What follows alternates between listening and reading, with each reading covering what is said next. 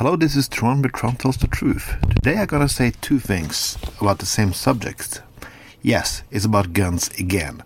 Uh, first, to every Democratic candidate or any candidate in the primaries, this one thing.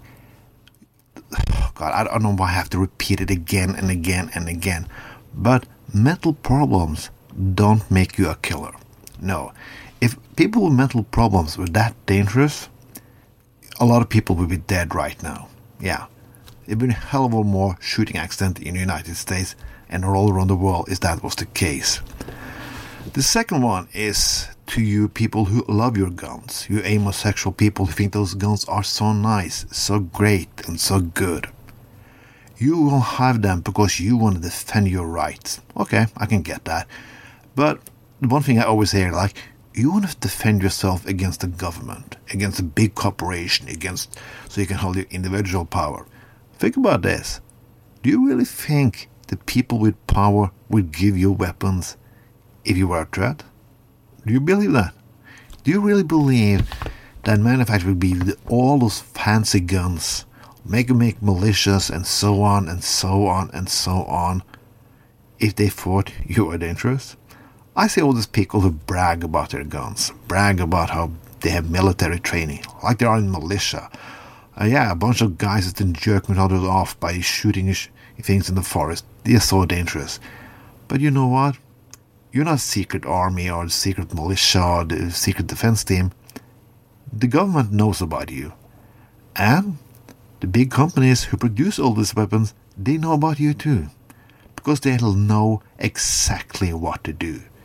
Isn't it funny? If you spent so much time on um, fighting for democratic rights, one man, one vote, one woman, one vote, civil rights, and so on, that will be doing something.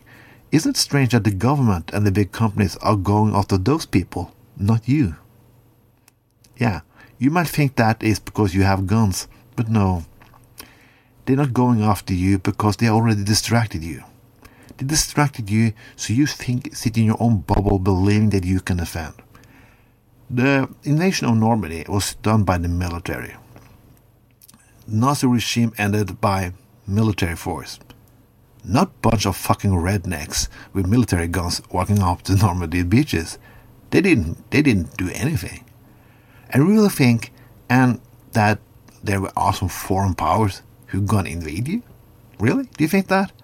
Because we don't need the invade you. Nobody needs invade you at all. 9-11 was enough to make you go fucking batshit crazy and turn away from every democratic principle you had. It's so fucking easy to mess up your fucking minds. What were you gonna do next time? Hmm, let us see, let us see, let us see. Yes, we bombed the capital of Texas. That would work. Because then, you, then the manufacturer will buy even more guns, and you're gonna start more wars that you're not gonna win, and that produces more weapons again. Again, you will not win. People who make money on weapons and, and big companies and corporations will win. If you were so fucking smart, why wasn't the America the perfect society today? It isn't. And you know that. And if you think jerking off with your gun gonna help. No, it won't. I know you like guns, but you are also fucking afraid 24 7. I saw a friend of mine from Georgia said to me, like, he would love to be in Norway to listen to news about his country, who was not a fucking action movie. Yeah, because that here in my country we can listen to news. We don't watch action movies to see the news. Go ahead, love your guns. Buy so many guns as you want. For why I don't care because nobody in the world are afraid of you. Nobody. Nobody. Even if you put your pictures on Twitter, on Facebook, and anything, you're just a laughing stock.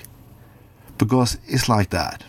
If you have to say that you have a big dick all the time, it's probably not true. This is what Trump, where Trump tells the truth. Have a fucking nice evening.